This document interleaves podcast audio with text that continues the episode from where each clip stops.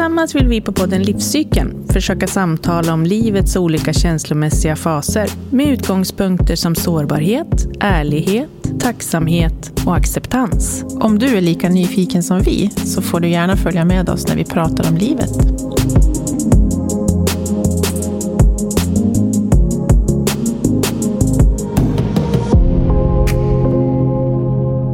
Hej Katarina.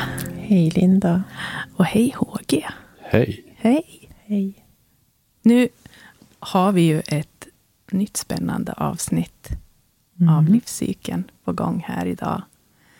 Och eh, den här podden, Katarina, den speglar ju mental hälsa Mm. hela vägen, eller hur? Det gör den absolut Ja. på olika sätt. Ja, och Mm. det är därför vi har startat den här podden, för att vi vill ju prata om mental hälsa Mm. i alla skeenden egentligen, hur vi kan hjälpa varandra, eller hur? Ja.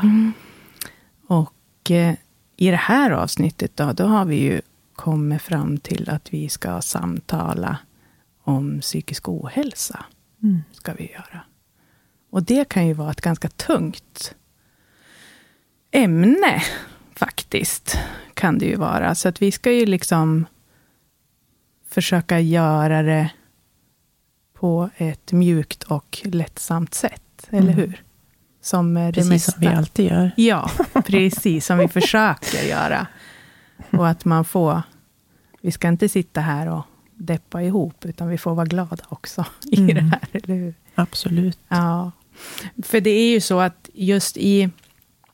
Eh, idag då, när vi ska prata om psykisk ohälsa, så kommer vi ju prata om psykisk ohälsa eh, som på något sätt leder till eh, tankar om eh, självmord och suicid, vilket ord nu man vill väljer att använda. Mm. Ehm, och vi har ju i början, när vi hade tidigt avsnitt, när vi presenterade oss lite grann i det, våran podd, så rörde vi ju lite grann vid det och jag nämnde lite grann om att jag hade en bakgrund av psykisk ohälsa. Men sen har vi inte pratat något djupare eh, om det.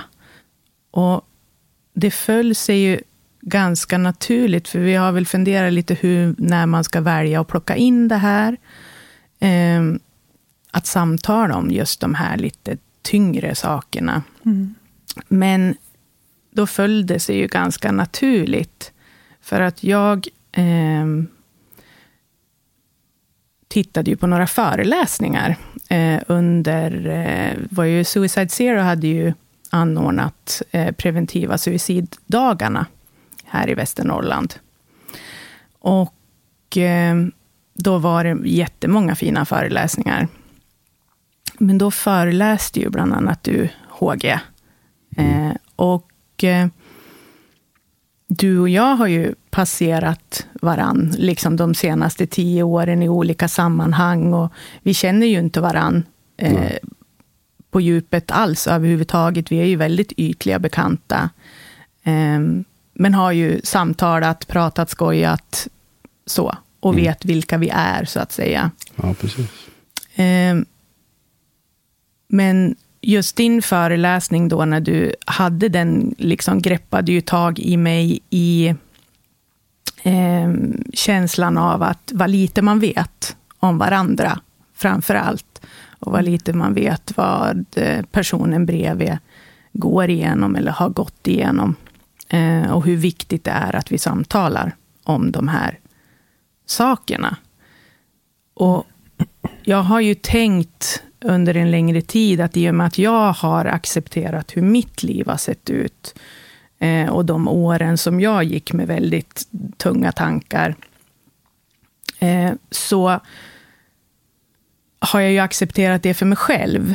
Eh, och förlåtelse och allt vad det innebär inom mig. Eh, men jag har ju inte pratat om det som, liksom utåt eh, på det sättet. Eh, och då kände jag att, ja, fast jag kanske måste börja göra det lite mer. Eh, för att som sagt, som vi pratade om innan vi slog på mickarna här, att mm. kan man hjälpa en person, så är ju det gott nog. Liksom så. Så att i det, då, nu vart det en lång utläggning här känner jag, men i det eh, så kändes det ju väldigt naturligt att jag ville fråga dig då om du ville komma hit till oss. Och det ville ju du och jag blev ju jätteglad för det. För det är ju så här också att eh, i Sverige idag så är det ju runt 1500 personer om året som tar sitt liv. Och sen är det ett stort mörkertal eh, som funderar på, eller som försöker. Liksom. Ja, eller har lyckats. Eller har lyckats ja. och överlevt. Eh, så att, och i det här så är det ju en stor del av dem är ju män, mm. framför allt, och unga pojkar. Så av den anledningen så känns det ju också väldigt viktigt att det kommer hit en man och mm. pratar om det här, tycker jag, med oss. Mm. Ja. ja. Precis. Så jag vet inte riktigt vart vi ska börja, HG, egentligen. Men lite grann så känns det som att eh, om du skulle kunna berätta lite grann om dig själv och liksom vem du är och eh, hur du ser på liksom, din eh, mentala hälsa i dagsläget kanske. Mm. Vi kanske ska börja här och nu. Ja, vi kan börja här och nu. Jag mår mm jag har i min föreläsning där jag säger att egentligen där jag börjar och frågar att alla, om alla mår bra. Och då säger 99 procent säger ju ja. Och då brukar jag säga att så sa jag jämt också, men fan vad jag ljög. Mm. Eh, men idag så mår jag jättebra. Mm. Jag är på en jättebra plats i livet. Jag är alltså lugn och trygg. Och sen, sen har jag mina, mina liksom, det jag alltid har haft i ryggsäcken. Liksom, som jag blivit formad av på något sätt. Men Idag så är jag på en riktigt, riktigt bra plats. Mm. Och det är skönt. Det är skönt. Jätteskönt. Där. Mm. Vi pratade lite innan här också, du vet om skam och sådana mm. saker. Det finns extremt lite skam och skuld för någonting. Men mm. det, det, känns jätte, jättebra. Mm. Men om vi tänker på ditt liv, hur har det liksom sett ut från när du var liten? Hur ser du på din mentala hälsa från att du var ung? När började du att fundera liksom över dig själv och din existens? Och... Jag tror att det var, alltså man, man blir ju formad av sina föräldrar på något sätt, eller sin uppväxt och alltså sin omgivning. Jag växte upp i Söderhamn en liten stad. Eh, min pappa var alkoholist. Mina föräldrar skilde sig i ung ålder. Eh, man pratade aldrig om sådana saker. Min, min mamma var medberoende. Och min mamma är helt fantastisk. Det låter som att det är negativt, men hon är, hon är världens klippa. Men vi pratade aldrig om känslor. Det, var, det fick man inte göra på något sätt. Liksom. Och det där formade mig alltså in, i, in i vuxen ålder väldigt väl. Liksom. Och även om jag med all säkerhet mådde dåligt som, som tonåring eller ännu yngre så, så nej, det tänkte man bort. Liksom. Man tryckte undan det, tryckte ner det i bröstet. Så att, eh, hade nog rätt stor bröstkorg under de här åren. Liksom, för att det var så mycket, mycket skit i, mm. i det. Liksom. Mm. Men reflekterade du över att du kanske borde prata om känslor? Eller det nej, dök inte ens fanns, upp? Det, fanns nej. aldrig. Utan det, det kom liksom senare i, ja, men i vuxen, vuxen mm. ålder. Och, och, när man liksom väl börjar, vad är det för någonting som är fel? Och, och vi kan, om vi backar bandet, liksom, min pappa tog livet av sig när jag var, ja, först och främst skildes mina föräldrar när jag var ung. Eh, och, och så sen tog min pappa livet av sig när jag var 1986, när jag var 15. Eh, och det här med att bli övergiven som, som barn fanns ju också i mig. Liksom. Jag var livrädd för att bli övergiven. Sen om det var i egen relation eller ja, men i, ja, men i vardagen. Liksom. Och det, det har väl format mig på, no, på något sätt. Men ja, det, det, det fanns där hela tiden. Men, men jag tror också att just det här i, i riktig vuxen ålder när jag började känna min, min ohälsa liksom tog över. Och när man första gången började tänka på hur ska jag ta livet av mig liksom. Mm. Och när man har kommit så långt har man kommit en bit. Liksom. Det är inte mm. så att man går och mår dåligt jättelänge. Utan jag kände nog liksom att det och vet inte hur många gånger jag har funderat på det. Liksom, eller jag ska inte säga fantisera, det har jag nog inte gjort. Men, men att, det, att det kom tankar om mm. hur ska jag göra? Mm. Vad är ett bra sätt? Mm. Och där är vi tillbaka till det du pratade om alldeles nyss också. Varför är det överhängande män som tar, tar mm. livet av sig? Och jag personligen är övertygad om att jag tror att alla människor mår, alltså, mår illa. Och, och, och liksom vissa försöker ta livet av sig. Men männen är ju mer, vad ska vi säga, mer grova i sitt sätt att göra det. Antingen så skjuter man sig eller så kör man in i en bergvägg eller så mm. hänger man sig. Eh, det är mindre piller och, och, och, och sådana saker. Eller att skära sig i handlederna och lite ja, men sådär. Och jag mm. tror att det, det är det som gör att männen är överrepresenterade. Mm. Eh, men framförallt att vi, i alla fall jag då, som är född på tidigt 70-tal, är formad att du ska fan inte visa känslor och du ska, mm. du ska, liksom, du ska vara bra. Mm. Uh, för vi pratar ju aldrig känslor. Nej, man ska vara modig och stark. Ja, herregud vad tuff mm. man ska vara. Mm. Liksom. Så att, uh, och, och har man det i ryggen, då, ja, då blir det tufft. Mm. Och någonstans så tänker jag, den generationen, liksom, och, och, som vi är nu, är vi ju i runt samma åldrar som sitter här, att, att jag upplevde att det fanns ingen som överhuvudtaget ens pratade om att de hade gjort ett misstag, upplevde ja. jag. Liksom det, var det, fanns, det var som att, gjorde man ett misstag, det känns som att man var den enda personen som någonsin hade gjort ett misstag. Man pratade inte om misstag och man pratade inte om eh, liksom, svåra tankar eller problem. Och var det någon i omgivningen som hade eh, problem, så mörkades ju det liksom också ner. Så att just det där att att inte göra misstag, tyckte jag. Mm. Väldigt mycket. Att, eh, ja, hur ska jag då kunna prata eller säga att jag har gjort fel, när ingen annan någonsin gör fel? Ja, det kan nog stämma. Mm. Kan nog stämma. Men just det här med att man, man var tyst. Det, mm. och när jag tänker tillbaka, alltså, förutom på mig själv, men alla andra runt omkring. Nej, jag tror inte jag, det var nog inte många som pratade om att de gjorde fel eller hade det liksom illa på något sätt. Mm. Tror jag inte. Men det var ju också väldigt, nu kom det upp i huvudet på mig, att när man, när man var liten och hörde vuxna prata om det vi idag kallar för psykisk ohälsa, så, så var det ju mer att man hade problem med nerverna. Mm. Ja, och att det var det. någonting fruktansvärt. Alltså, då var man nästan ja. inspärrad på ett mentalsjukhus. Mm. Det där uttrycket har, har fastnat i mig, för det, det var så smutsigt på något vis. Mm. Men är inte det typiskt svenskt också? Just det här, alltså hon, hon, eller han går hos en psykolog eller en terapeut ja, och så blir man svartmålad. Jätte... Liksom. Ja. Och så finns det länder som att, vadå, går du inte hos en psykolog? Tack och lov är det ju annorlunda nu. Ja, men herregud. Och jag kan säga det är väl den bästa investeringen jag någonsin gjort med att slänga liksom alla de där pengarna på min mm. traumaterapi och, och, och, samtal. Alltså, mm. Herregud, vilken bra investering. Mm. Det, Ja. Nej, men det är ju lite faktiskt fortfarande i dagsläget att det inte är jättemånga ändå som, som pratar kring att de går till en psykolog eller ja. går och pratar. Nej, det är fortfarande lite tabu, så är det ju. Ja, och det är väl, kan jag tänka också, för att vi inte kan prata med varandra heller. För, för, för, det tycker jag att jag har upplevt att när jag har försökt att, att kanske öppna upp eller prata om vissa saker som har varit jobbigt i livet, eh, lite mer öppet, liksom sådär. Att eh, ofta har bemötandet tidigare i livet för mig blivit eh, att det, det, blir lite stängt, liksom, det blir lite mm. tystnad, det blir li, lite sådär. Och då är det ju det att, då blir det ju också att, okej, okay, de där sakerna kan man bara prata med hos en psykolog. Dörren måste vara stängd, liksom, mm. för att man ska kunna prata om det här. Sen senare i livet har jag mött personer och vänner där det här är mer, som är mer likasinnade, som törs prata om sina känslor naturligtvis. Mm. Men tidigare i livet så har det ju varit väldigt problematiskt det där, tycker jag. Att eh, öppna upp.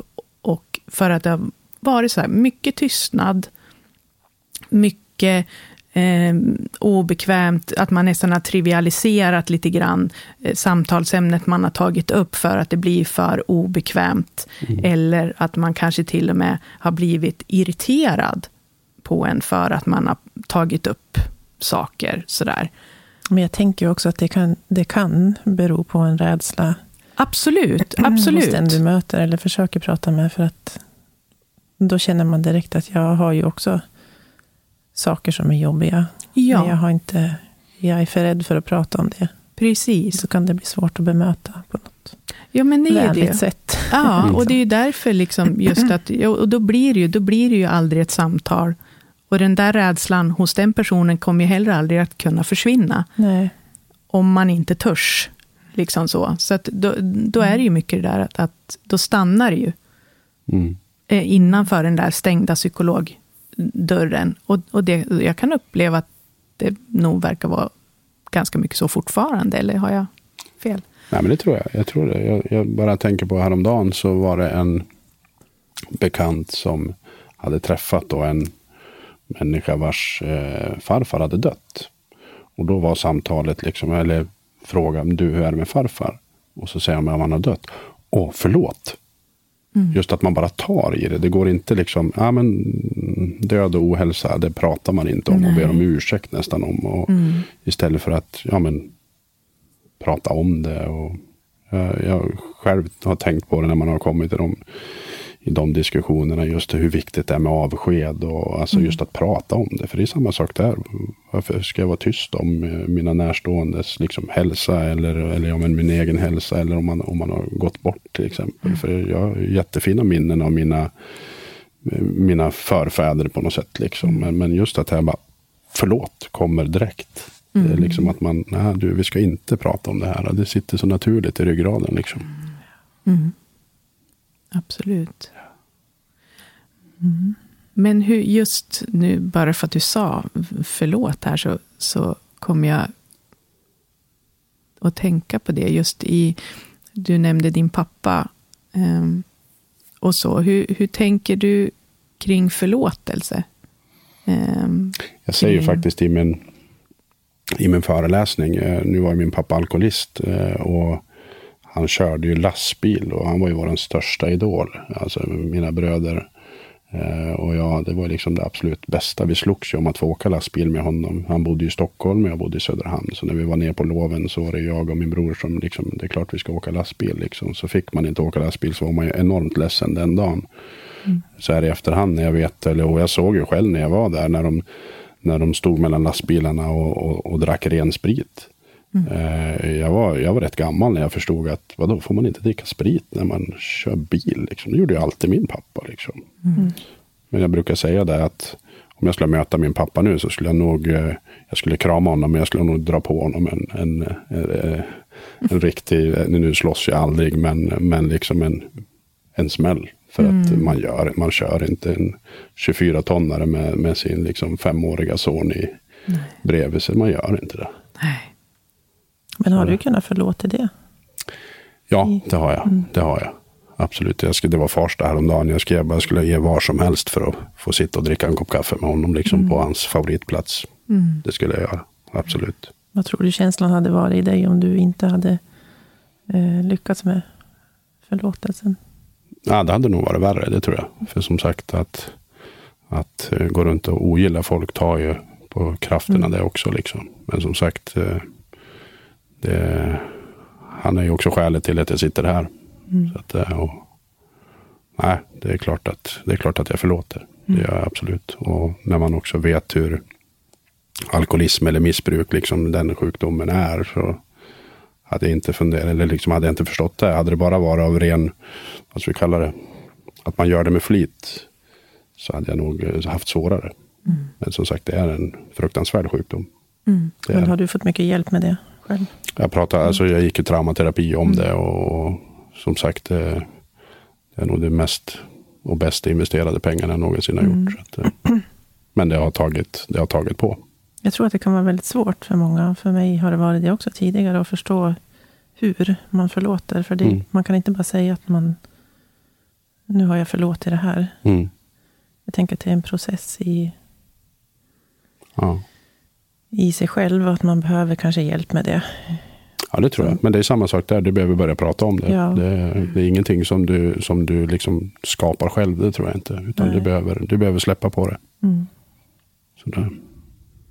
Ja, det är det jag menar. Att det, det kan låta så lätt eh, när man lyssnar på liksom, någon som säger att det, det bästa är att förlåta. Mm. Mm. Så har jag alltid tidigare suttit och funderat på, jaha, men hur gör man det då?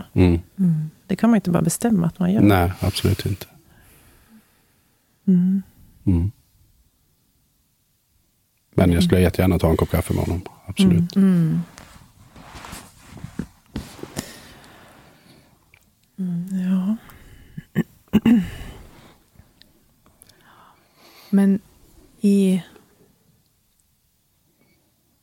Om vi tänker då med din pappa och din uppväxt eh, och så. Hur, hur mycket tror du eh, att din pappas val liksom, i livet eh, har påverkat dig i... Nu har du ju gått liksom, i traumaterapi och sådär. Men hur mycket tror du att, ehm, att han tog sitt liv? Hur, hur, hur har det påverkat dig och liksom de valen du har gjort liksom, i livet, tror du? Jag tror att det har påverkat mycket. Alltså det här med vad man får med sig från ja, men, miljö och, och familj liksom runt omkring. Det är klart man blir formad. Och, eh, vi pratade om 1500 personer liksom, och hur många är det som påverkas av ett självmord. Det är ju, ja, vad kan vi säga, kan det vara 80 till 150 personer runt omkring i, i nära liksom, som påverkas av en enda person. Liksom. Sen om det är lagkamrater eller skolkamrater, släkt och vänner. Så det är rätt många liksom. Plus kommande generationer. För att jag var, jag var inte gammal liksom. Jag blev påverkad av det. Och jag har en dotter liksom som, som också påverkas av det. det. Det är klart att Ja, det är klart man påverkas av det. det, det ja, jag själv då som nu, nu sitter där. Jag prövade ju att ta mitt liv och gjorde det på exakt samma sätt. Liksom. Och det, det är inte en slump. Nej, Tror jag inte. nej. Absolut inte. Nej, det är ju... Men i, i det just, i den här förlåtelsebiten, eh, tänker jag, för jag tänker ju mycket så i alla lägen, att som ni säger, att förlåtelse är ju en sån stor liksom, bit i, i, i livet. Eh, Men jag tänker att i att du då valde att, att se att det fanns ingen annan utväg just då för dig i den stunden, i den krisen, eller vad man nu ska kalla det för, som du var i. Att välja den eh, vägen. Hade du eh, förlåtit honom för det innan det, eller känner du att den processen fortsatte efteråt i att förlåta dig själv och honom? Processen fortsatte efter. Det gjorde den absolut. För att det var, alltså det kom ju när man, som i mitt fall när jag överlevde. eh, Och, och fick den kraften. Så det är klart jag mådde dåligt ett bra tag efter också. Men när jag väl började bearbeta det. Och det var ju då liksom, ja men förlåtelsen. Både mot mig själv och, och, och honom liksom. Den kom ju efter. Det gjorde den absolut. Att, eh, men det var efter många timmars stötande och blötande och gråtande. Naturligtvis. Ja. Men att komma till den punkten som du då gjorde, hade det byggts upp eh, naturligtvis under lång tid, som du säger, de olika tankarna som du har haft genom livet och att det har kommit och gått kanske. Ehm, var det någon särskild incident så som du känner liksom att då blev det kulmen av någonting, eller var det som en, nej men nu räcker det liksom? Ja, det var nog mer nu räcker det. Det var ingenting som utlöste det på Nej. något sätt. Förutom då allt, allt, allt man har stoppat i sin bröstkorg. Liksom. Och, och, och jag kommer ihåg, och det där är väl också någon, någonting som många tvistar om. Liksom, att det, det är egoistiskt att ta sitt liv. Bara, ja, fast när man väl är där så lovar jag att man ser sig själv som en, den största bördan av alla. Man bara ser, man ser att, att, alla, eller att man gör en stor tjänst för alla, att man bara försvinner. Eh, Just då så är det absolut inte egoistiskt. Sen kan jag tycka att det är egoistiskt för att det är så många som blir påverkade och det händer massa saker. Ja, visst. Men just då så känner man bara att man gör en tjänst. Så är det. Jag kommer, jag, kommer, jag kommer exakt ihåg allt jag gör innan. Liksom. Så att, eh, för att det är, och det är detaljrikt. Så att, eh, men just den här känslan av att fan vad skönt alla andra ska ha det. Mm. Hade du inga tvivel alls liksom innan? Nej. Att det, Nej. Du, det var bara så här det skulle bli? Ja, absolut. Mm. Det var liksom inga ögonblicksverk heller. Jag, ja, jag åker på en affär och kollar liksom repet ska hålla för 400 kilo. Och när jag väl liksom så snäpper det av och, och, Mm. och det går av ändå. Och jag väger inte 400 kilo. Så att det, men eh, och den kraften man hittar. Och det, det var väl liksom det som var vändningen också. För jag kommer ihåg just att den, och det kan vara så i andra fall också, du vet när man väl kämpar för sitt liv. Liksom, för att jag, där jag gjorde det så visste jag om att det fanns en, en plåtsax bakom massa bråte. Och jag, och jag känner att jag håller på att, nu, nu blir det tuffa tankar här, men eh, jag känner att jag håller på att, att dö. Eh, men jag verkligen liksom får tag i den där och bara gnager av den här knuten. För att eh, tråden gick ju av, eller repet gick ju av längre upp. Liksom. Så att, eh, och, och då, till slut så, så får jag loss det. Liksom. Så att, och det andetaget, det första riktiga andetaget efter det gör ju liksom att man får, alltså det går inte att beskriva. Wow. Mm. Det, Men kunde du känna direkt efter då att, ja, att du kände vilken tur? Att det inte gick? Eller kändes det? Nej, men med den kraften och det, ja, självklart så kände jag att det var att det var tur och jag ville leva liksom. Mm. Så var det. Sen var det ju liksom, det var inte klart Nej, efter det. Och vi har ju pratat i min föreläsning och lite sånt där med leende depression. Att folk, eh, Mm. ja men, och jag kommer ihåg liksom uppföljningen efter. Jag tror att jag var inne, jag tror, eller jag tror jag tog mig ur från det där mötet på, på sjukhuset hos en psykolog eller terapeut, vad det nu var, på fem minuter. Liksom. För det var jävlar vad jag log och sa att allting var bra och att det var ett, liksom, tillfällighet bara och ingen uppföljning alls. Så där har vi också liksom, nu skyller jag inte på vården, absolut inte, men där skulle jag kunna tänka mig, i alla fall om man var som mig, att då har du en ypperlig chans att göra det och göra det riktigt nästa gång. Liksom. Mm. Det tror jag. Mm. Åh, det dyker upp så många tankar i mitt huvud nu. Men- det första jag tänker när du säger det där att rep- repet gick av. Mm. Är det, är det någonting som har liksom... Har du kommit upp några andliga tankar och liksom funderingar hos dig efter det? För, Ja. för jag tänker ju direkt att det var ju inte meningen. Nej, nej, så kan man, nej men absolut. absolut. Så kan det mycket väl vara. Jag, jag, det finns... Eh, ja, jag, jag, jag, jag har suttit i många kyrkor. Eh, jag, säger in, jag ber inte till någonting. Men att sitta där och känna, känna kraft. Det är liksom, jag letar rätt på ett fönster i en kyrka och så sitter jag och tittar ut. Det är, Mm. liksom, det är min grej. Det är fruktansvärt skönt. Mm. Det är. Så jag har besökt många kyrkor. Men då efter det, då hittade du kraften och då eh, förstod du att du behövde påbörja din resa mot... Ja, jag förstod. Jag gjorde det inte direkt. Jag Mm. gjorde det inte direkt, det gjorde jag inte. Utan eh, jag, eh, påverkan av, eh, av liksom flickvän och, och bekanta gjorde att jag väl tog tag i det. Liksom. Så att, Mm. och, och det är jag evigt tacksam för. Mm. Det är, jag. Sen känner du att du har haft stöd hela vägen. ja, men det har jag. Det har jag.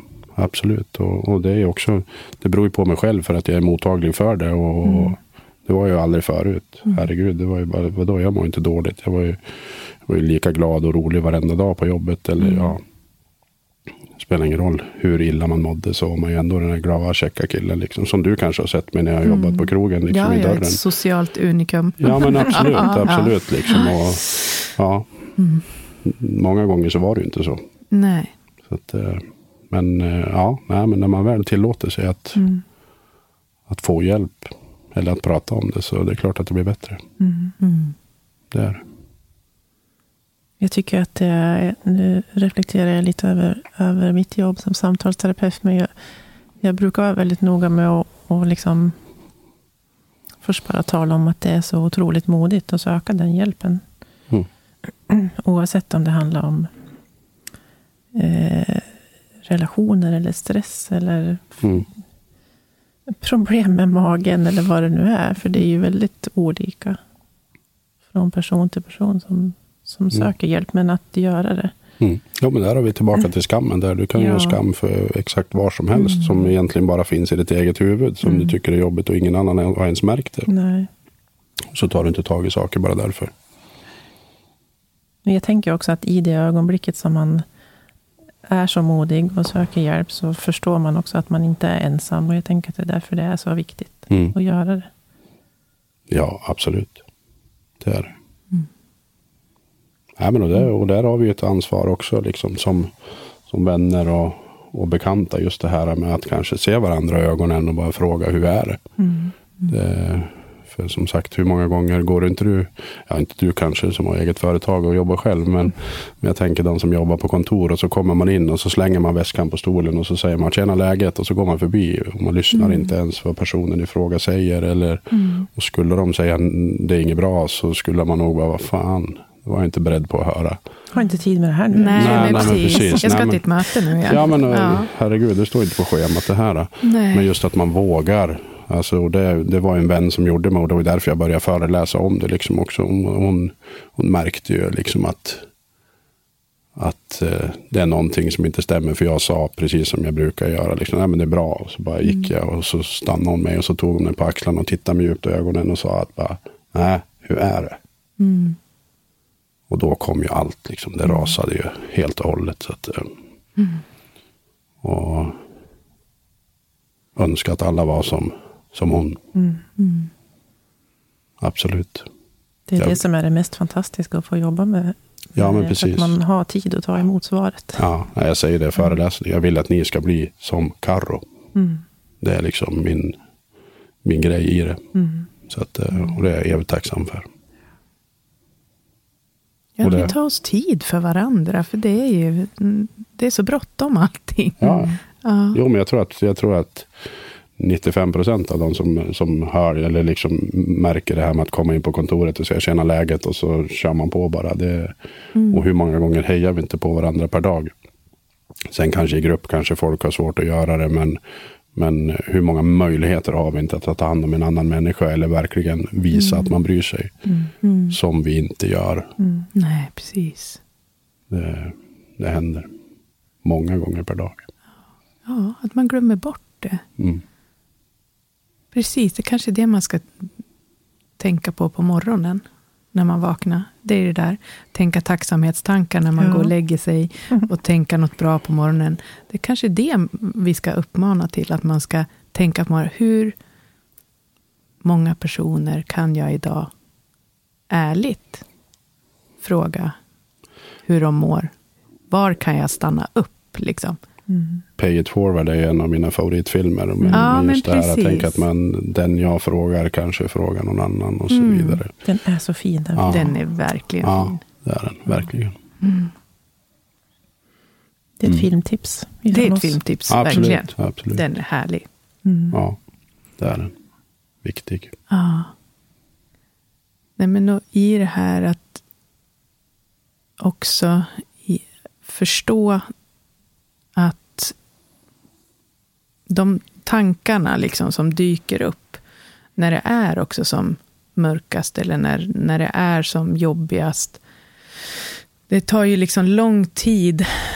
Eh, när man är upp i det så förstår man ju inte att det här är tankar. Det här är inte hela sanningen. Det här är tankar Mm. som äter mig. Mm. Liksom. Ehm, och det önskar man ju verkligen att man eh, kan säga till alla, att förstå Mm. det. Stanna upp en stund och analysera din egen tanke. Vad är det här nu som Mm. jag tänker? Det här som drar ner mig så mycket. Det är bara en tanke. Det är inte verkligheten. Det Mm. kanske till och med är en projicering av någon annan. Eller av sig själv naturligtvis. Men ofta så kommer ju tanken från någonting man har blivit projicerad i sin barndom utav eh, omgivning överhuvudtaget. Mm. Eh, Är det här egentligen överhuvudtaget ens min tanke? Den kanske har blivit placerad där utav någon annan. Är det här verklighet? Och ofta så är det ju inte det. Men att man måste då, om man kan, liksom stanna upp och känna efter. För att kunna, liksom, okej, okay, där framme, eh, jag ser en prick med ljus där framme. Liksom. Mm. Det är jättesvårt i den här stunden när man mår så dåligt. Mm. Eh, men, men, det är ju... Mm. Men skulle man ha någon som verkligen petade på en också, ja. eller frågade, eller hjälpte en på traven. Liksom, för att man är väldigt, man har ett tunnelseende. Och det, mm. det... Jag tänker också det här att, att få hjälp med att förstå att jag är inte eh, tankarna. Alltså jag är någonting Nej. helt annat än Precis. tankarna eller känslorna. Eller, mm. men, men det är ju väldigt, väldigt lätt att, att tänka att man är det man tänker och känner. Ja. Att det är jag. Ja. Mm. Uh, jag har då förstått att det inte är så. då har du förstått rätt. jag, jag erkänner ju för mig själv, eller att prata med mig själv, eller att bara släppa det istället för att ha det i huvudet och mm. i bröstet. Så, och, och, det kan ju vara vanliga saker i livet också. Bara, jag ska städa. Men mm. tänker du på att du ska städa så är det väldigt lätt att skylla. Mm. Liksom skjuta på det. Jag är jag är prokrastinering är ju min, min specialitet. Liksom. Men, men just att säger du det eller säger du till någon så är det ju liksom, då är det så mycket mer verkligt. Så att, då, men, men just att håll det inte inom det liksom. Mm. Och, och, hjälp din, din vän att få det ur sig. Mm. Så tror jag vi kan hjälpa varandra bra mycket. Det tror jag. Vi ska se om det här passar in nu, men det som kommer upp i mitt huvud är förklaringen på det jag försökte säga förut, att man inte är det man tänker och känner. Men att jag fick det så fint förklarat av en, en man som jag följer på Youtube, som heter Rupert Spira. Väldigt spännande. Han förklarade ungefär som att, eh, tänk dig att, att du och ditt medvetande, eh, du är ditt medvetande, och att ditt medvetande är som en filmduk. En bioduk. Mm. Eh, och det är du. Och det som visas på bioduken, det är dina tankar och dina känslor. Så oavsett vad som visas på duken så, så är du fortfarande duken och medvetandet.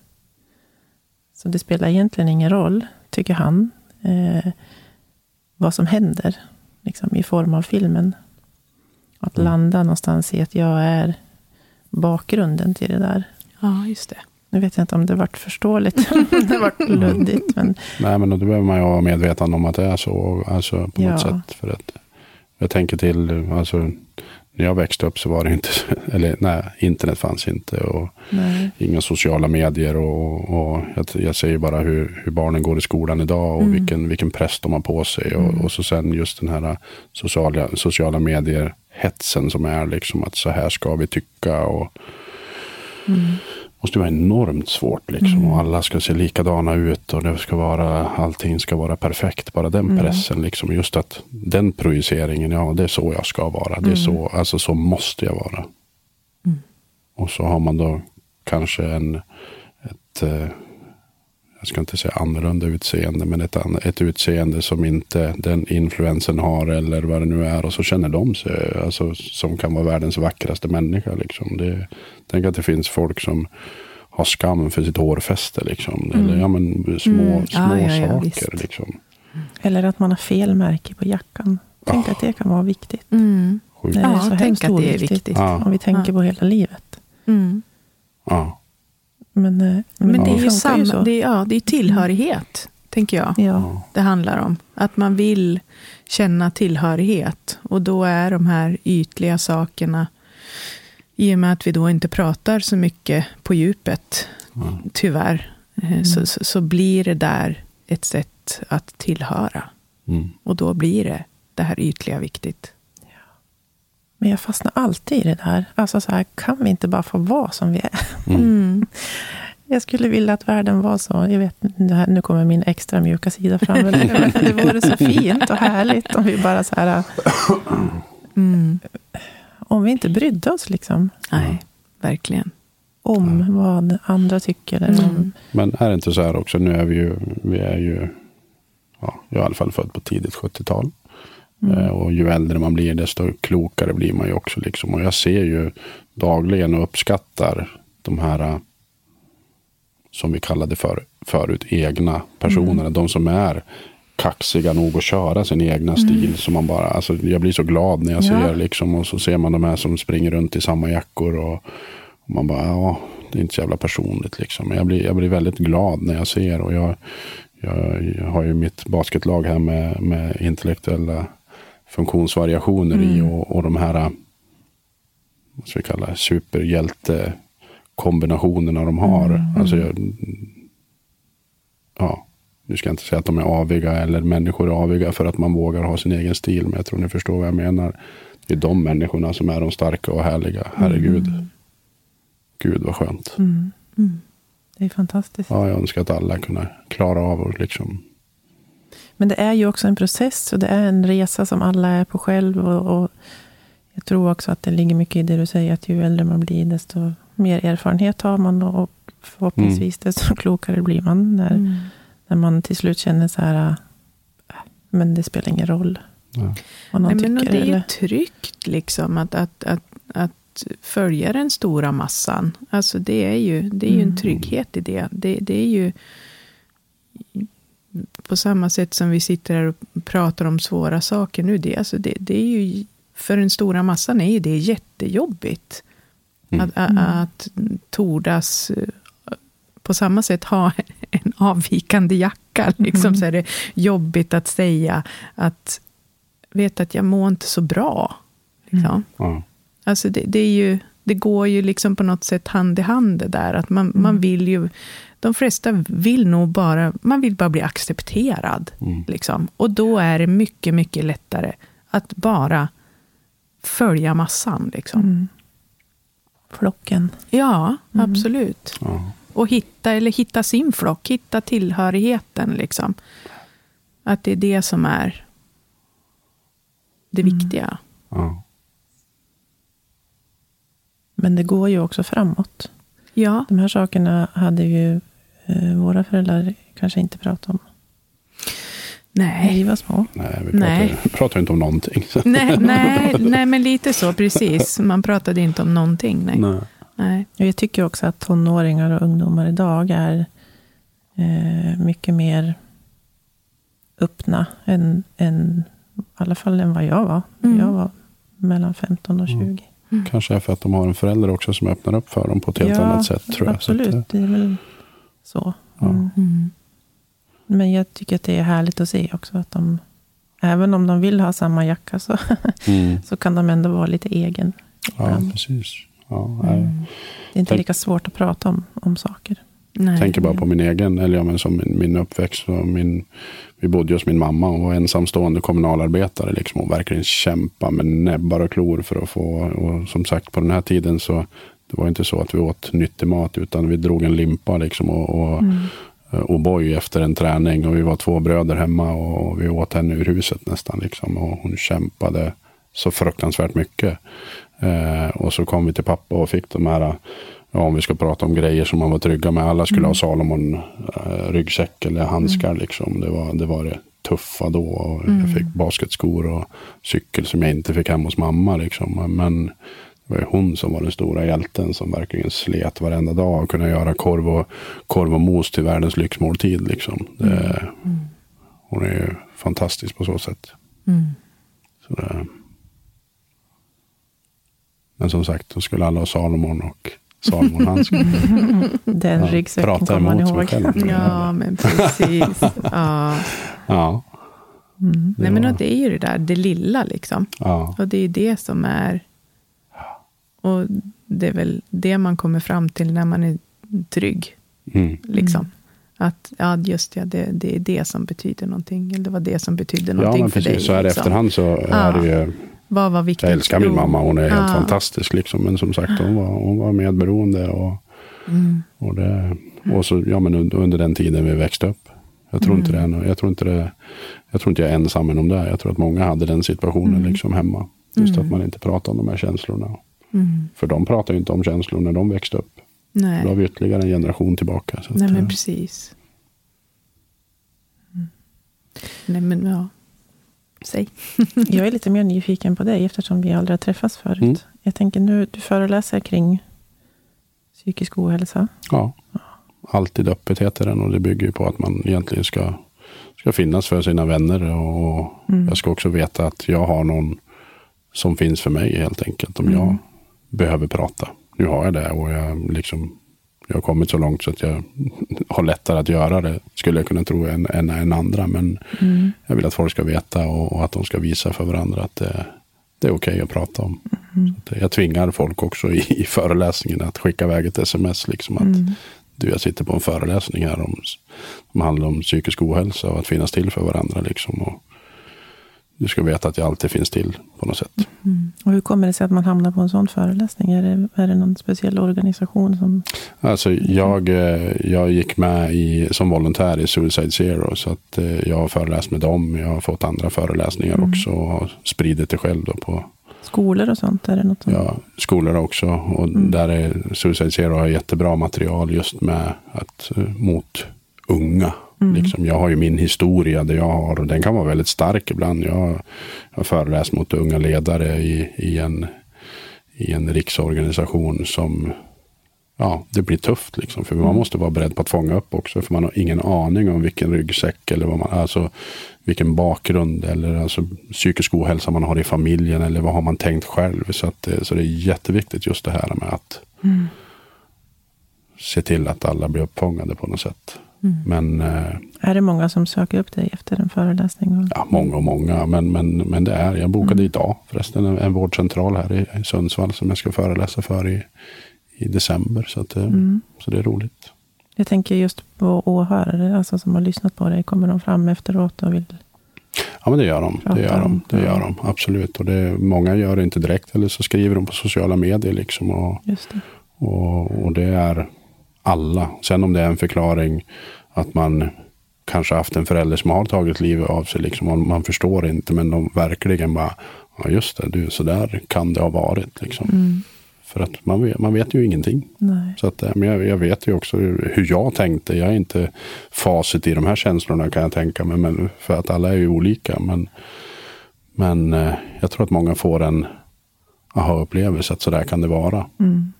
Så att, eh, men också just att folk kommer och erkänner och räcker upp armen och säger att vet du, tack, jag har pratat med mina föräldrar. Att jag mår dåligt.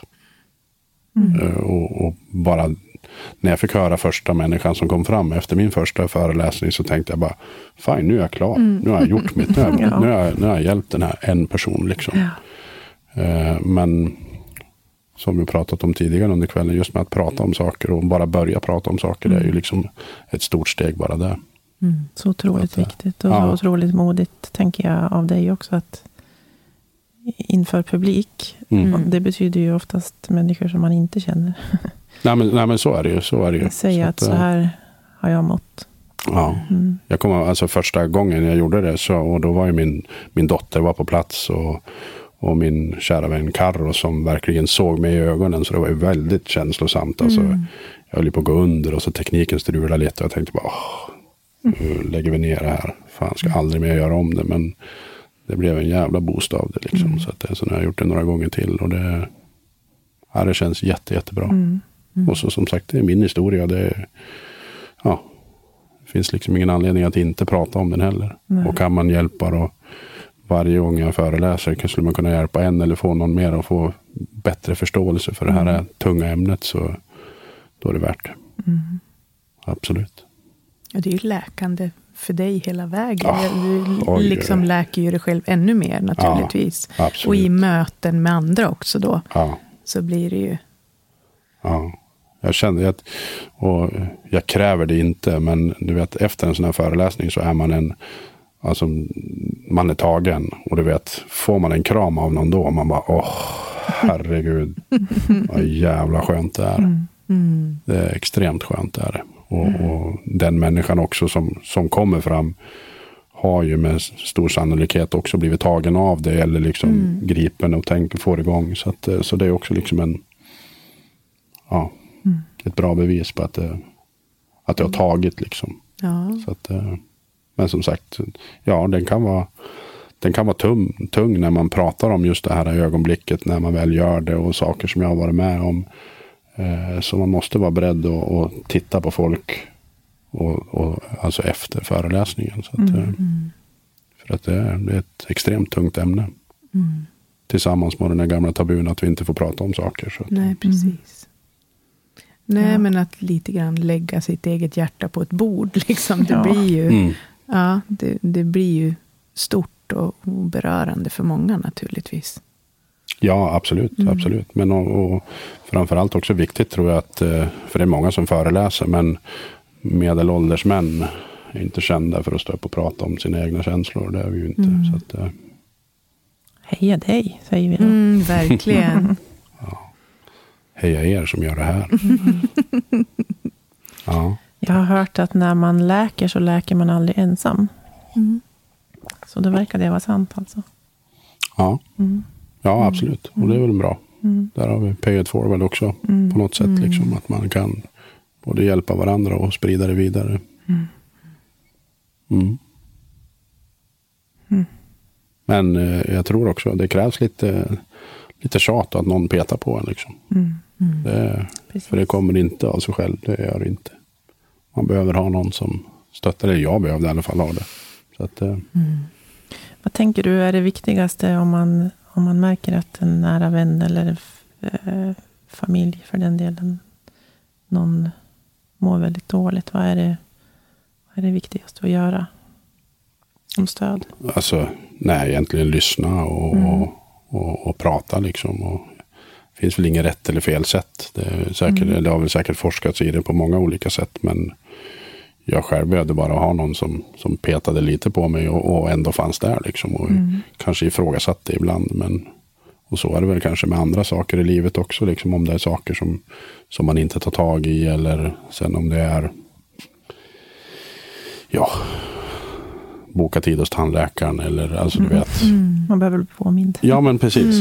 Ja men absolut. Och jag tror, jag tror också männen är specialister på det. Jag vet inte hur ni har era eh, förhållanden eller före detta förhållanden. Att man får tjata på någon liksom. Det, eh, och jag vet ju själv. Om det var någon som sa åt mig att städa. Så ja visst. Det ska jag väl göra. Fast när jag själv bestämmer. Inte när du bestämmer. Och så hade man lite trots också. För jag tror att många, många lider av den, den biten. Liksom att ja ja. Jag ska göra det. Men när jag själv vill. Inte när du vill. Men eh, nej, jag tror att man behöver ha en, en, en förstående nära vän. Liksom. Det tror jag.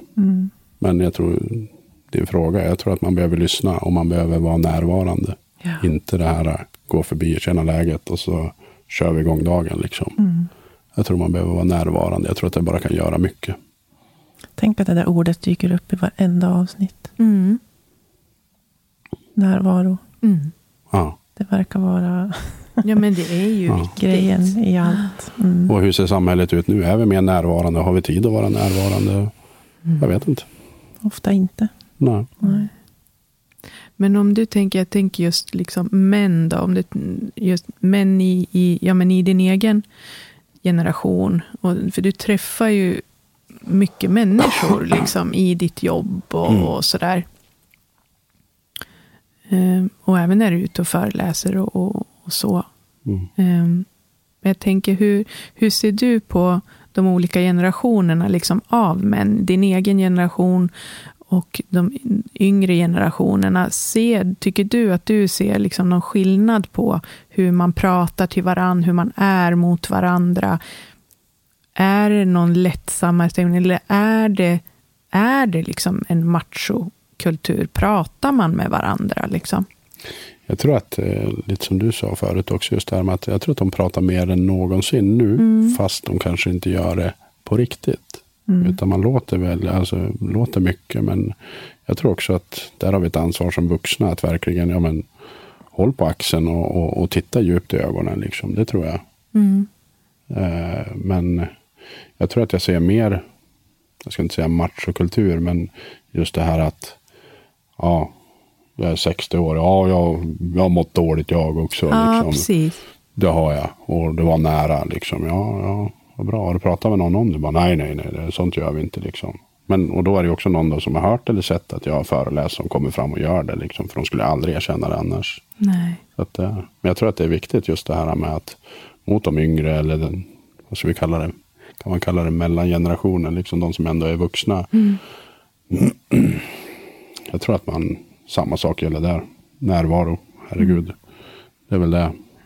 Och, ja. Jag tror inte att våra lyssnare har fått veta vad du jobbar med. Ja. Just, nu, just, nu så Nej, jobbar, det har vi nog inte. Nej. Nej. just nu så jobbar jag med säkerhet och personalfrågor på, på en restaurang. Jag skulle kalla det koncern. Mm. Alltså centralen här i Sundsvall och Block och Edvalls också. Vi har ju många anställda liksom. Och, Mm. eh, ska, det är en halvdestruktiv bransch. Det, det finns liksom missbruksvarningar med att eh, dricka öl efter jobbet och lite sådana saker. Och, och, men det är en jättefin, jättefin bransch och rolig och vi, vi lär ut och, och får ungdomar att blomstra och bli liksom duktiga på service. Så att, eh, men, eh, jag ser dem ofta i ögonen och, och, och pratar med dem liksom och känner av hur läget är. Sen är det ju när man väl jobbar och då är det ju full fart och stressigt liksom. Men det finns ju övrig tid också. Mm. Så att, eh, men jag möter extremt mycket, mycket människor. Jag tror jag öppnar dörren för, för alla i Sundsvall någon gång under mina år. Så att, eh, och jag älskar mötet med människan. Liksom. Och det gjorde jag även när jag, när jag mådde dåligt. För det gav mig också liksom, det gav mig kraft. Gjorde det. Absolut. Men eh, Så då har du en viktig roll, tänker jag. Och kunna ha möjligheten att fånga upp när du ser. ja, nej, men ja. Det, Jag tänker att du känner igen, liksom, ja, du skulle kunna känna igen dig själv i någon annan. Absolut, Ja. absolut. Jag brukar säga att jag, eller tycker att jag är rätt bra på människor. Liksom, att, att se och känna av ett rum, det, det kan jag göra. Men jag tror att alla kan göra det. Jag tror att vi bara inte tror och tycker att vi, vi ska göra det. Liksom. Så att, och där tror jag att vi alla behöver ta någon typ av ansvar. Det tror jag. Men jag träffar extremt mycket människor. Det gör jag. Men, och, och där är ju ännu en gång närvaron. Liksom, att, att tordas se Ja. människorna i rummet. Att inte Mm. bara kliva in i ett rum utan att se personerna som sitter Ja. där inne. Det, och sen som sagt, ja, jag är formad på mitt sätt som ni, som ni har hört. Liksom, och jag har väl någon medberoende bit också liksom, som känner av allt och alla. Liksom, och, och vill att alla ska må bra hela tiden. Och, och Mm. Det måste ju finnas en, en, en handbromsidé för Absolut, dig också. Absolut. Ja. Nej, men och det har jag blivit bättre på. Mm. Mycket. Så att, eh, sen älskar jag att göra det bra liksom, för mina nära och, och kära. Liksom. Mm. Så att, eh, men jag är också extremt känslig mot kritik i egen, i egen relation. Och det är nog någonting som jag är livrädd för. Jag kan ta diskussioner med allt och alla. Alltså i, i arbetet och, och, och sådär.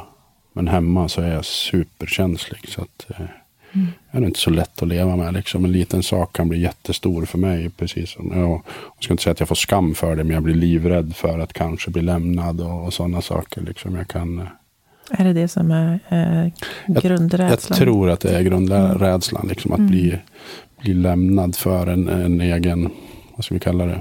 Alltså att jag har gjort någonting. Liksom. Så att, eh, Så vad händer när du får kritik?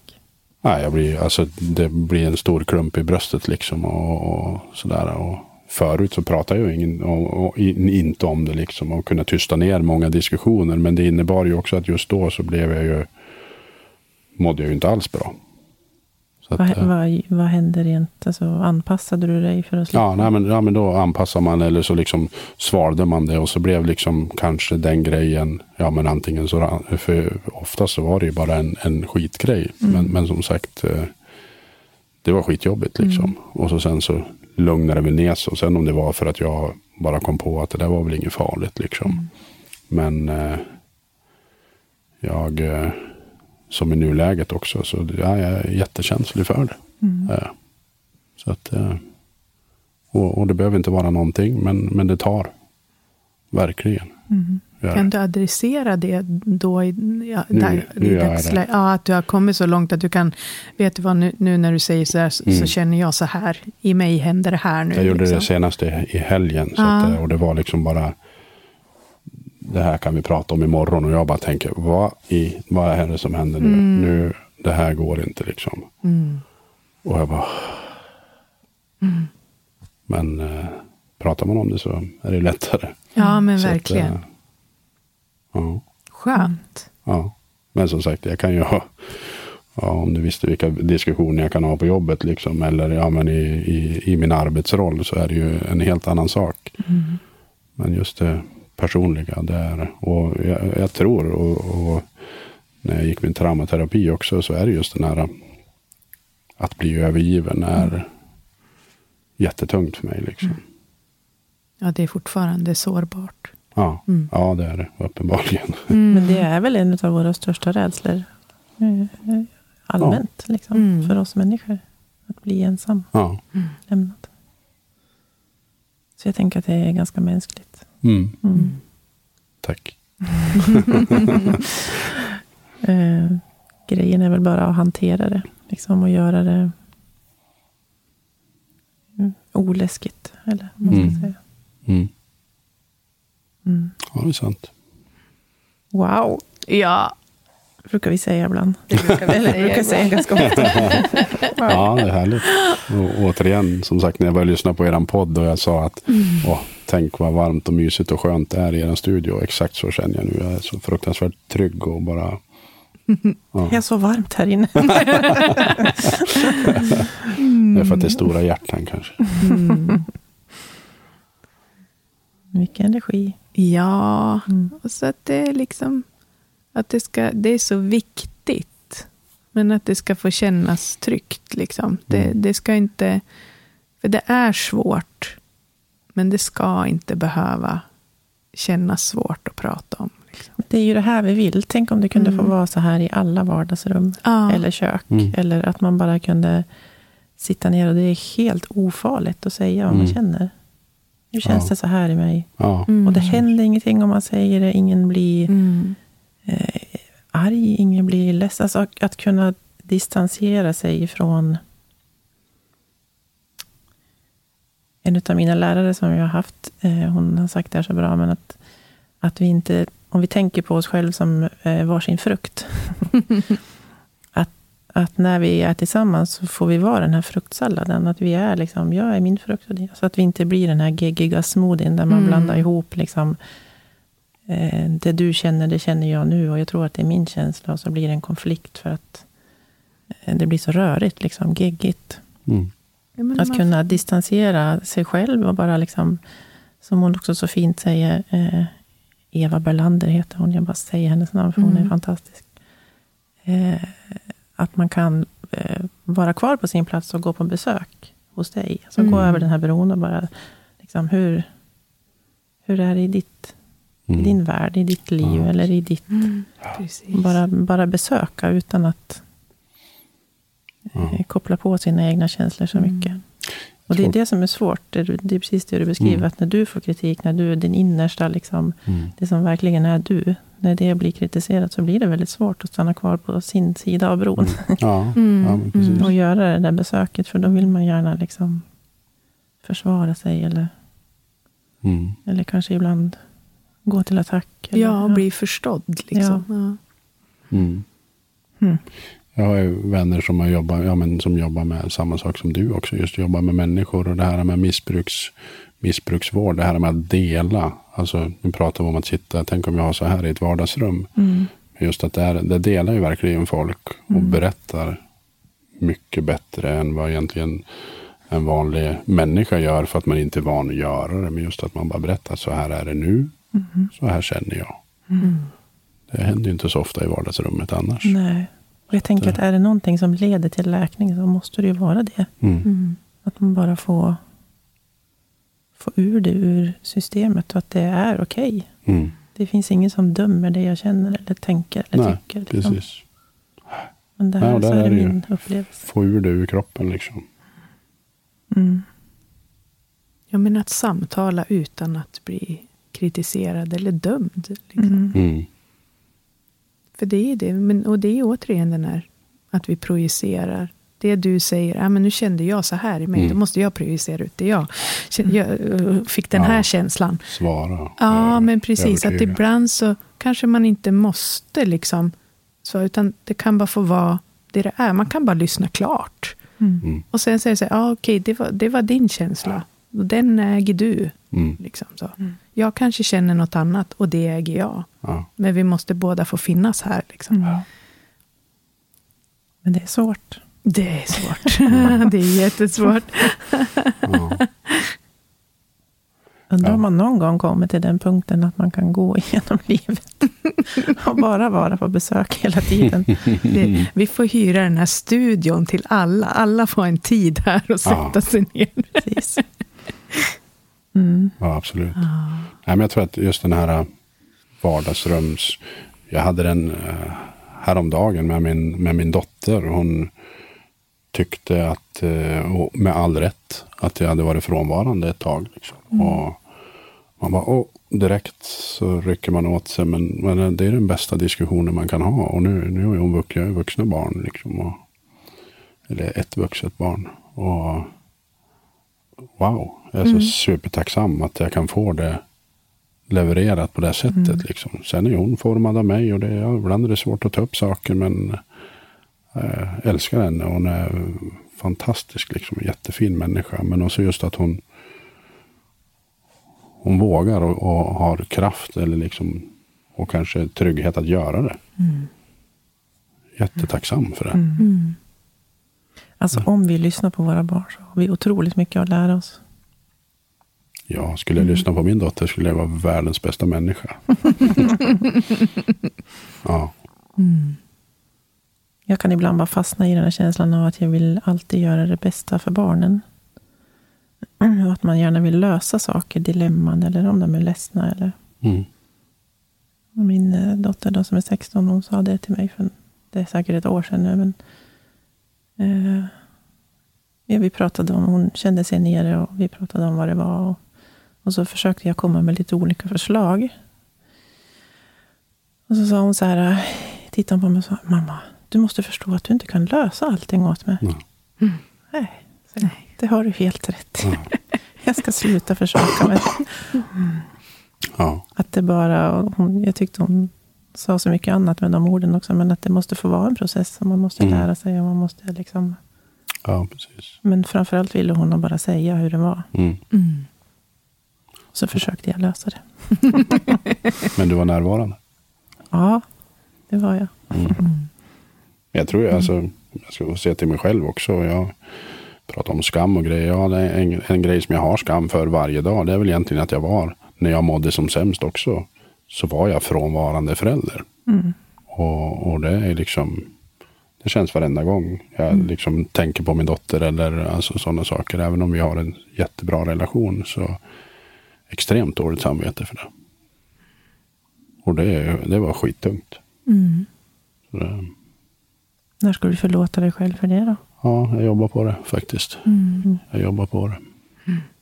Jag tror också, alltså vi har, vi har bra samtal då och då liksom. Och jag tror att det blir starkare för varje gång. Mm. Att, eh,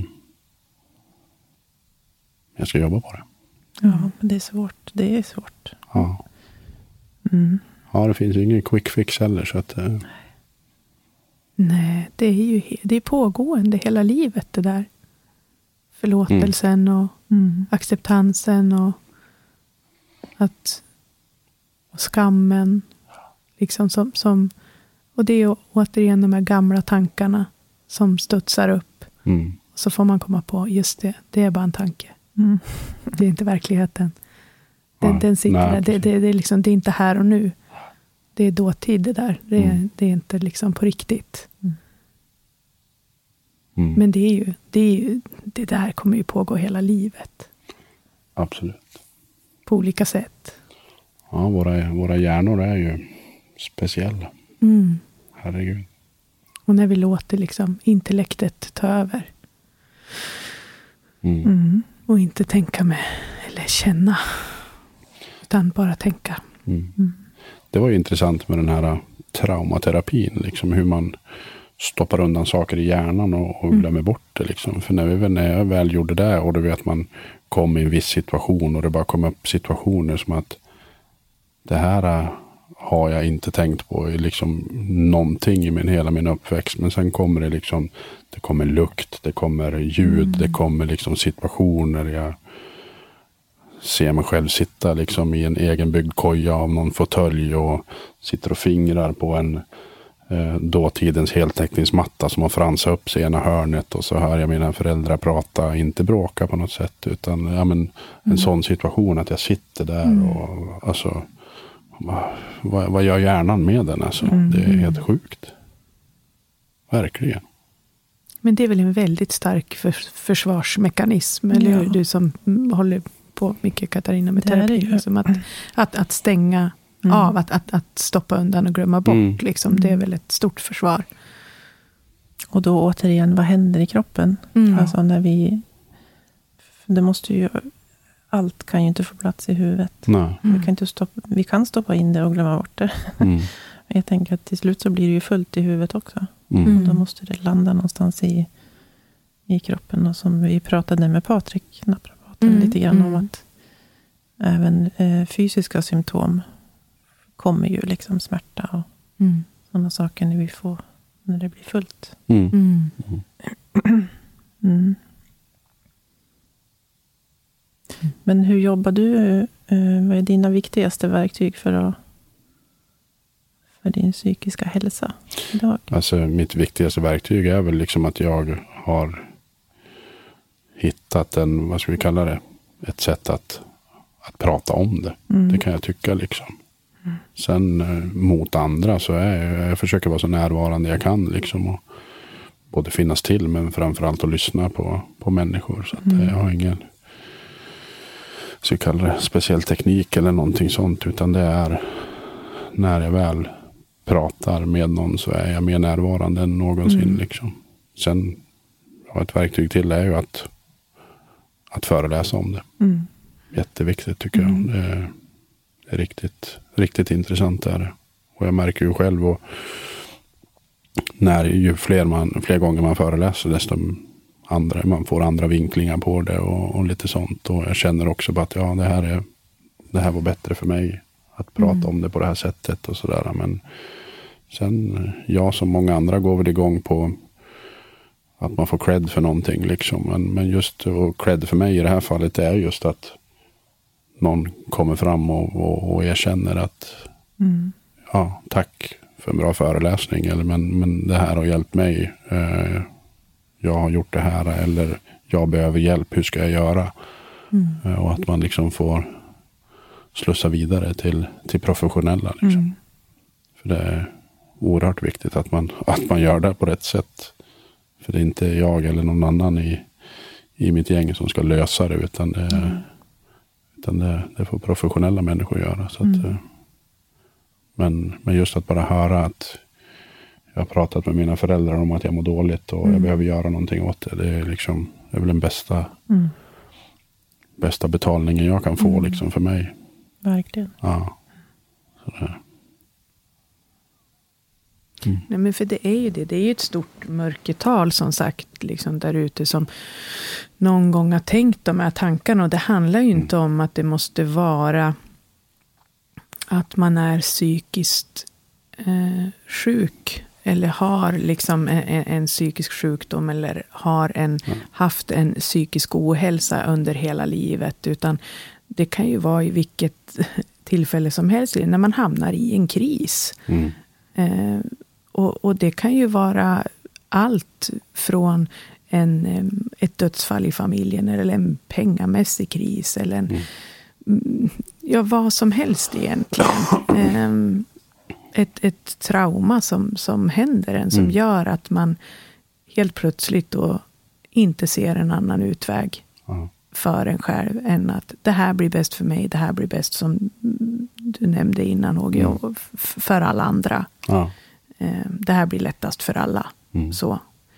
Eh, och sen kan det ju också vara det att det är många som faller in i, i de där tankarna naturligtvis, men sen så blir det att man ser det som kanske till och med en lättnad i, i, en, em, i en situation att okej, den här utvägen finns. Mm. Men när man har funderat på den utvägen så har man liksom lättat upp någonting och sen kan man gå vidare in i någonting annat. Att det blir inte mer än en tanke också. Mm. Eh, men jag tror ju också att just att man bara har tänkt tanken är ju sånt som man inte heller tror jag riktigt vill prata om. Liksom så, utan för det blir också en skam i sig, som man fortsätter att bära inom sig. Men det är ju inte ovanligt. liksom. Det mörkertalet är väl extremt svårt. Må- Det måste vara svårt att, att göra en sån undersökning med Mm. Ja. någonting som någon aldrig skulle erkänna. Nej, Så att, eh, men eh, det är nog mer än vad vi tror. ja men verkligen. Det är. Mm. Nej, men då, jag tror att det är också, alltså, vi har ju flera som jobbar, tyvärr då så, om vi ska se till finansiering av saker och ting, så tycker jag att det, alltså, det är jättebra att man lägger ner miljarder på nollvision i trafik, men vi lägger ner bara en bråkdel av pengarna och vi projektanställer liksom folk som ska jobba med, med suicidprevention. Eh, Så man vet inte ens om man får jobba kvar, utan bara, ja men vi, får, vi kör väl ett år får se. Alltså det är helt sjukt. Ja, det är jättemärkligt. Kan vi, kan vi liksom, förutom mörkertalet, då, ta bort 1505 människor som tog livet av sig förra året och så projektanställer vi folk liksom och tycker att ja, men det här, nu gör vi ju någonting. Det är galet. Mm. Helt galet. Och beroende på vad det är för självmord, så kost, alltså sånt kostar ju pengar också. Ja, ja, Sen om absolut. det är olyckor eller bränder eller om det är ja, man skjuter sig eller vad det nu är. Så allting kostar ju pengar att, att ta hand om. Liksom. Så att det, är- det är nog enorma pengar. Och så som sagt lägger vi ner bara en liten del av det. Så det, det är upp till bestämmarna i olika nivåer att göra någonting riktigt åt det tycker jag. Så att, eh, för ju mer folk vi kan prata med desto mer kommer vi kunna rädda också. Mm. Även Men vad hade du behövt? Jag sitter och funderar på, för du sa att du fick din kraft ifrån när du ändå hade försökt. Och Jag tror att- jag om tror- du inte hade kommit till att försöka, vad hade du behövt innan? Nej, men jag, hade jag hade behövt, eh, och, och det jag tror också där, där nyckeln kan vara, precis som eh, problemet vi har med, med droger eller med brottslighet och sådana saker. Jag tror att i tidig ålder så behöver man ha folk som har tid, kan fånga upp och våga ställa frågan. Det tror jag. Och jag, jag hade ju, även om vi hade det knapert så fick jag göra exakt allt som alla barn fick göra. Och jag var med i olika idrottsföreningar och det, finns, det fanns så många möjligheter att bli upplockad. Petad på eller fråga hur mår du verkligen liksom. Eh, så det är där man, jag tror att det är där man behöver lägga krutet helt enkelt. Så att, eh, men som sagt, om det inte är någon som vågar fråga på 40 år Nej, precis. eller 35 år. Då blir det svårt att ta det senare också. Liksom. Mm. Men eh, som sagt, vi, vi har inte råd att bygga idrottshallar för 160 miljoner. Men det kostar 160 miljoner om någon hamnar i missbruk och, och, och liksom en person. Liksom. Det, är- det är sjukt. Och vi lägger, inte, vi lägger inte pengar på en extra pedagog eller en alltså, kurator eller vad det nu kan vara liksom, i rätt tid. För jag tror att man ser, ser rätt fort när folk börjar må dåligt eller har chans. Om vi nu pratar också om missbruk och, och, och brottslighet. Liksom. Men eh, vi sparar pengarna istället. Vi lever ju bara fyra år i taget tydligen i, i Sverige. Ja, så är det ju också. Ja, precis. Nej, men att börja prata om, om mental hälsa tidigt i, i skolan Ja, också. Alltså från, redan från årskurs ett. Liksom. Att vi, vi någonstans inriktad. Jag tänker att det behövs det också samtal. utbildning i det. Alltså, Det Mm. finns ju för lite resurser, det vet vi i Ja, ja, skola och omsorg och, och så. Men också eh, kunskapen och modet att faktiskt Mm. fånga upp det där. Ja. ja. Nej, det borde finnas tid för vi lär oss ju massa andra, jag ska inte säga onödiga saker, allting vi lär oss, alltså utbildning är ju, är ju, är ju viktigt liksom. Men man borde kunna trycka in det också. Mm. Kanske kan ta bort någon blomma vi inte försöker lära oss och så pratar vi om att hjälpa varandra istället. eller något mattetal eller någonting. Någon är- kung på 1600-talet. Ja, precis. Jag har haft jättemycket nytta av dem. Mm. Mm. Mm. Ja, Vi lägger om skolplanen helt enkelt. ja men vi fixar vi det. bestämmer det nu. Och så Vi tar ska det till alla veckan. ha, Mm, till veckan kör vi. och hög närvaro bli någonting helt annat än att bara vara där. Ja, Skulle man kunna säga. Vad fint. ja. Hög närvaro. Mm. Ja, Det fick en annan innebörd nu. ja, Ja, verkligen. ja, verkligen. det fick det. Mm. Härligt. Mm. Bra, hörni. Så himla bra. Ja. Ja. Skönt. Mm. Är det någonting du vill tillägga innan vi avslutar? Nej, då måste ni köpa föreläsningen. Nej, jag, eller framförallt så vill jag framföra ett stort tack för att ni är ni och ni får fram det här viktiga ämnet så, så fruktansvärt Mm. bra. Det är viktigt och, ni har, och alla andra grejer ni tar upp som är superviktiga. Liksom. Och det har ju med hälsa att göra. Så att det är Mm. jätte, jätteviktigt. Så att eh, jag är supertacksam att jag fick vara här. Och Den här värmen som vi pratade om och mjuka studion är. Ja, ni kommer jobba, få jobba på att bli av med mig kan jag säga. Och ja, nu, jag, faktiskt igår så kom det en dikt till mig. Helt plötsligt. Ja. Mm. Eh, det var så här, jag satt och så bara ploppade den här upp. Eh, den är lite känslosam faktiskt. Men jag kände att, och nu för jag tänkte så här, ja, ska jag läsa den här? Men jag tror faktiskt att jag ska göra det. Ska jag gråta nu eller? Ja, det är en liten tårvarning på den här faktiskt. Men just för att den eh, knyt, knöt, jag kände det redan igår, att den här knyter ju verkligen an till det vi eh, samtalar om. Eller att jag visste att vi skulle samtala om idag. Och så Mm. tänkte jag att äh, jag väntar och ser. Eh, ja, den är jätte, jättefin. Gruvde Katarina. Okej. Nu kommer Jag håller i mig. Torrkanalen. Nej, men den är jättefin. Eh, det är eh, en tjej som heter Pia Eriksson, eh, som har ett konto faktiskt på Instagram som heter Korsdragspoesi. Mm. Eh, och hon har mycket fina. Men den här eh, ja, faller väldigt, väldigt fint till det vi har pratat om idag. Nu ska vi se. Till dig som famlar. Där jag var då var det bäckmörkt, trångt och hopplöst. Men så var det också precis i mitten av en krökt tunnel. Livstunnlar ter sig så, för det förändrar oss i grunden. När vi väl rör oss lite till kan vi både växa och ömsa skinn. För vår egen skull förändras. Om du går där just nu, i kröken, så vill jag ropa rakt in i tunneln att du ska fortsätta framåt. Om än famlandes, krypandes, för det blir ljusare lite längre fram. Först bara som en liten prick, ljuset. Men den blir större, pricken. Ljuset kommer att omfamna dig där du går. En dag står du där i fullt solsken och han kan knappt minnas hur lång tunneln var. Men just nu, en liten centimeter framåt, där i kröken.